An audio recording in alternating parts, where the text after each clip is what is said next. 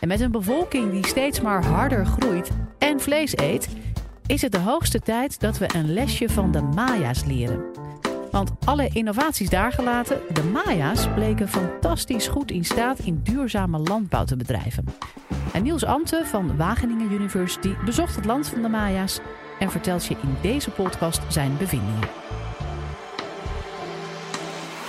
Dit is de Universiteit van Nederland. Wat een plezier voor mij, een genot voor mij om hier uh, voor jullie te zijn.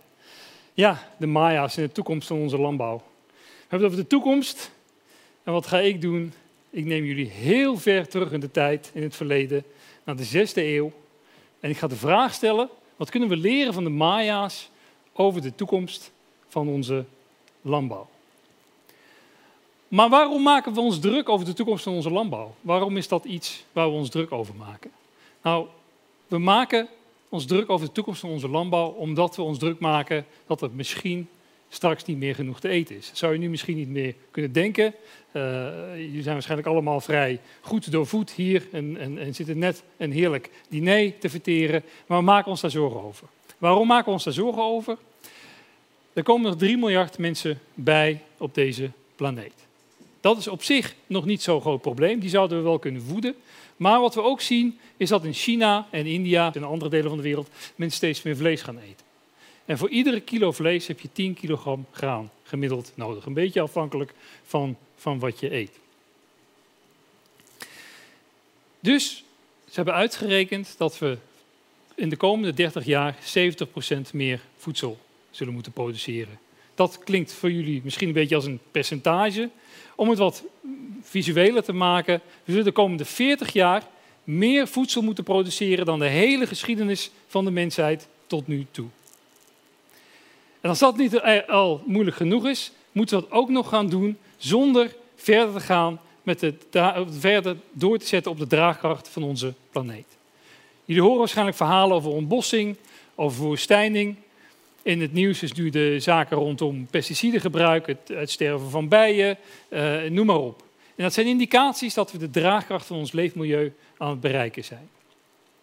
Dus we zullen dus efficiënter voedsel moeten gaan produceren of moeten gaan gebruiken. Wat kunnen we doen? We kunnen bijvoorbeeld allemaal vegetariër worden. We kunnen kunstvlees maken. We kunnen insecten gaan eten, dat is ook heel efficiënt. Um, we kunnen uh, uh, onze gewassen uh, proberen, onze planten die we eten, productiever te maken.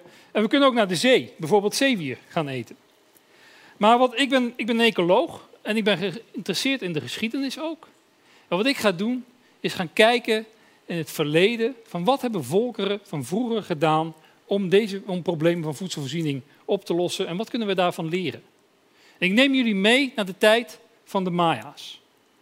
En de Maya's, de civilisatie, hadden een hoge civilisatie uh, uh, gedurende vanaf 1400 voor Christus tot 900 na Christus. Dat is een hele tijd geleden. En hun gouden eeuw, ons is de 17e eeuw, hun gouden eeuw was de 6e eeuw.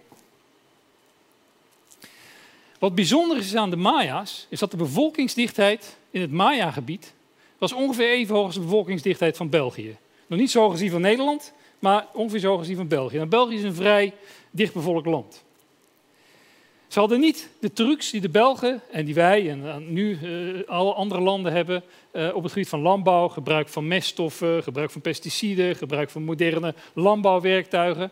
En toch waren ze zelfvoorzienend in hun, in in voedselvoorziening. Ze konden genoeg voedsel produceren om van te leven. Dus wat deden die Maya's? Wat was nou bijzonder aan hun aan hun landbouw. Daar kun je kijken naar hun geschriften, je kunt archeologische onderzoek doen. Uh, je kunt ook kijken naar hoe groepen die nu in het gebied waar de Maya's uh, hun civilisatie hebben nog steeds leefden. Ik heb zelf het geluk gehad om zo'n groep te mogen bezoeken, de Lacandon-Indianen. Maar wat, wat heel bijzonder was, was dat ze heel veel verschillende plantensoorten gebruiken. Een gemiddelde Maya-boer die gebruikte 2 tot 300 verschillende soorten planten die bootste als het ware het, het, het, regenwoud, als je maar zo'n beetje kunt zeggen, waar ze in ze woonden, bootsten ze na op hun, op hun akker. Daar staat een schril contrast met zoals wij nu landbouw bedrijven. Ik kan me voorstellen, als je wel eens een keer rondrijdt, dan zie je landbouwvelden, nou, daar staat meestal mais. Of je ziet wel eens aardappelen of, of, of een aantal tarwe. Maar het is meestal maar één soort die er staat. En dat noemen we een monoteelt. Goed, dus die Maya's gebruikten allemaal soorten. Maar was dat dan ook datgene wat hun een voordeel gaf? Het gebruik van meerdere soorten door elkaar heen. Daar kun je onderzoek naar doen. En daar doen wij, ik met mijn groep, doen er uitgebreid onderzoek in. En de Europese Unie is daar heel geïnteresseerd in, want ze hebben ons gelukkig vrij veel geld gegeven om daar onderzoek naar te kunnen doen. En eigenlijk kun je heel simpel proefjes gaan doen waarbij je kijkt, veldjes met, met één soort, laten we maar eens even zeggen mais en bonen, waarbij je ze apart zaait en waarbij je ze door elkaar heen zet. En dan kun je gewoon gaan kijken of, dat meer, of het een of het ander meer oplevert. En dan kun je gaan uitrekenen, dat noemen we land equivalent ratio. Dan kun je gaan uitrekenen of je nou meer land nodig zou hebben als je die apart van elkaar opkweekt, dan als je ze door elkaar heen zet. En de verhouding daartussen, dat is die land equivalent ratio. En voor het gemak even, als die groter is dan 1, dan heb je voordeel uit mengteelt. We hebben er onderzoek naar gedaan. We hebben ook alle voorgaande onderzoeken verzameld van mensen die dat ook bekeken hebben. Daar hebben we een gemiddelde van berekend. En wat blijkt? Dat als je eenvoudigweg door twee soorten door elkaar heen te zetten, haal je 30% meer opbrengst.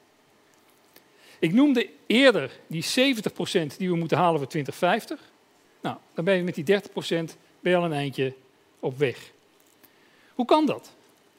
Hoe kan het dat, de, dat als je twee soorten door elkaar heen zet, dat je dan een grotere opbrengst uh, krijgt? Ik neem aan dat jullie wel eens door een winkelstraat heen lopen. Dan zal je waarschijnlijk iets opvallen. Zien we dan alleen maar groenteboeren? Of zien we dan alleen maar slagers?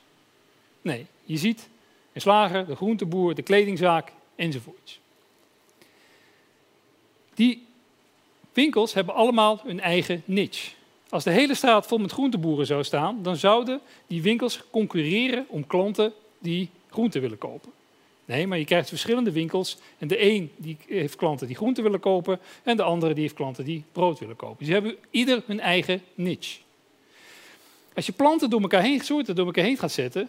Planten hebben ook verschillende niches. Je merkt het misschien in je tuin. Als je, mensen die, ik weet niet of mensen hier allemaal een tuin hebben. Maar als je tuin hebt, zie je dat de ene soort graag in de schaduw groeit. De andere heeft graag wat meer water nodig. De derde heeft graag wat meer meststof nodig.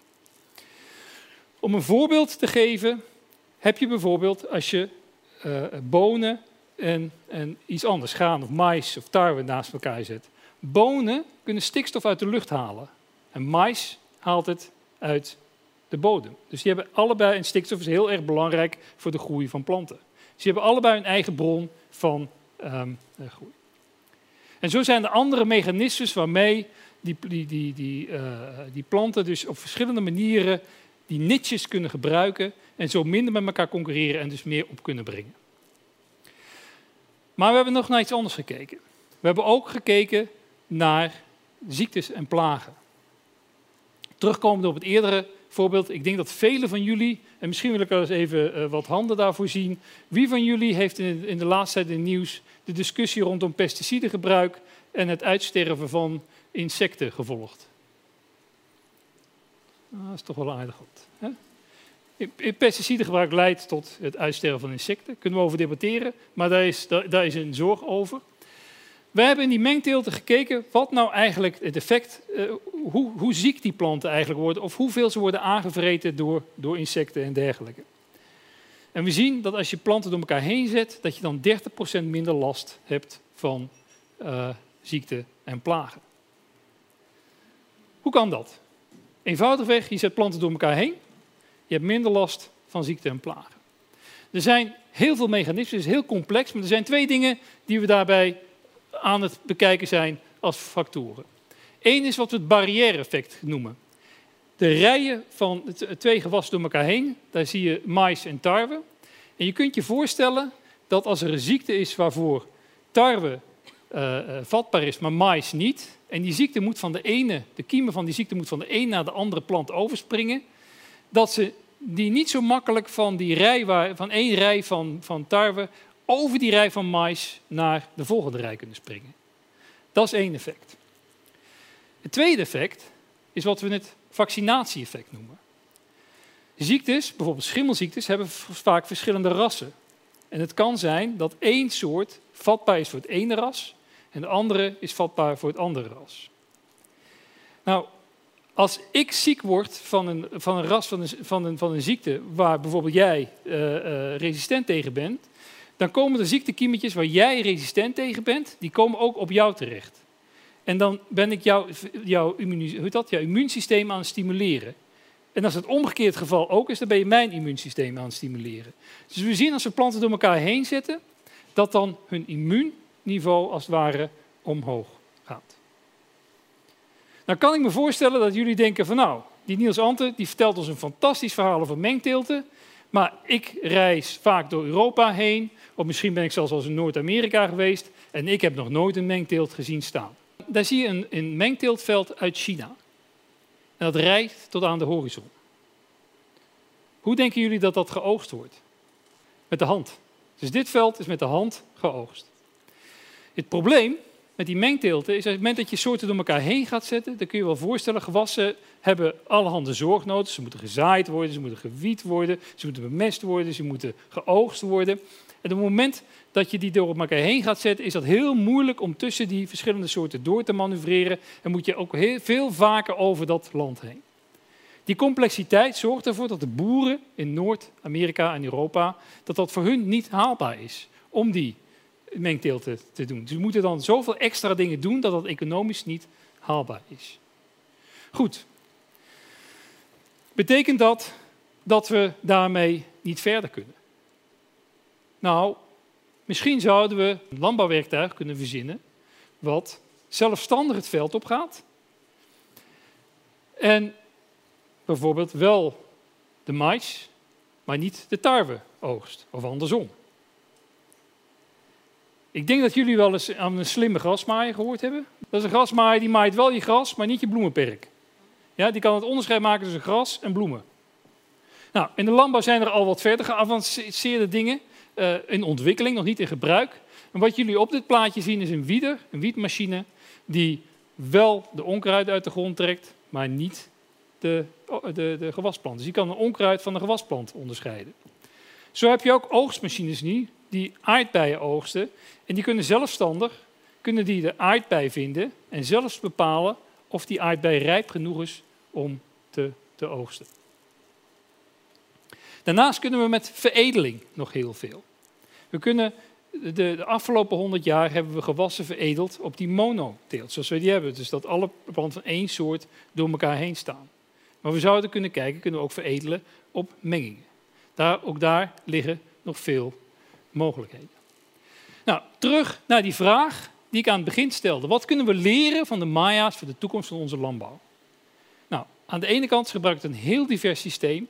Dat diverse systeem dat haalde voordelen in termen van opbrengst, ziekteresistentie en wellicht andere factoren. Maar dat kunnen we niet één op één toepassen op onze huidige landbouw.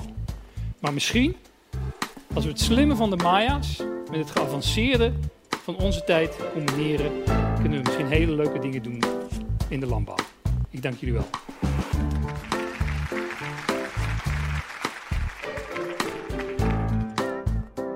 Dit was de Universiteit van Nederland. Wil je nou nog meer wetenschappelijke antwoorden op spannende vragen? Check dan de hele playlist.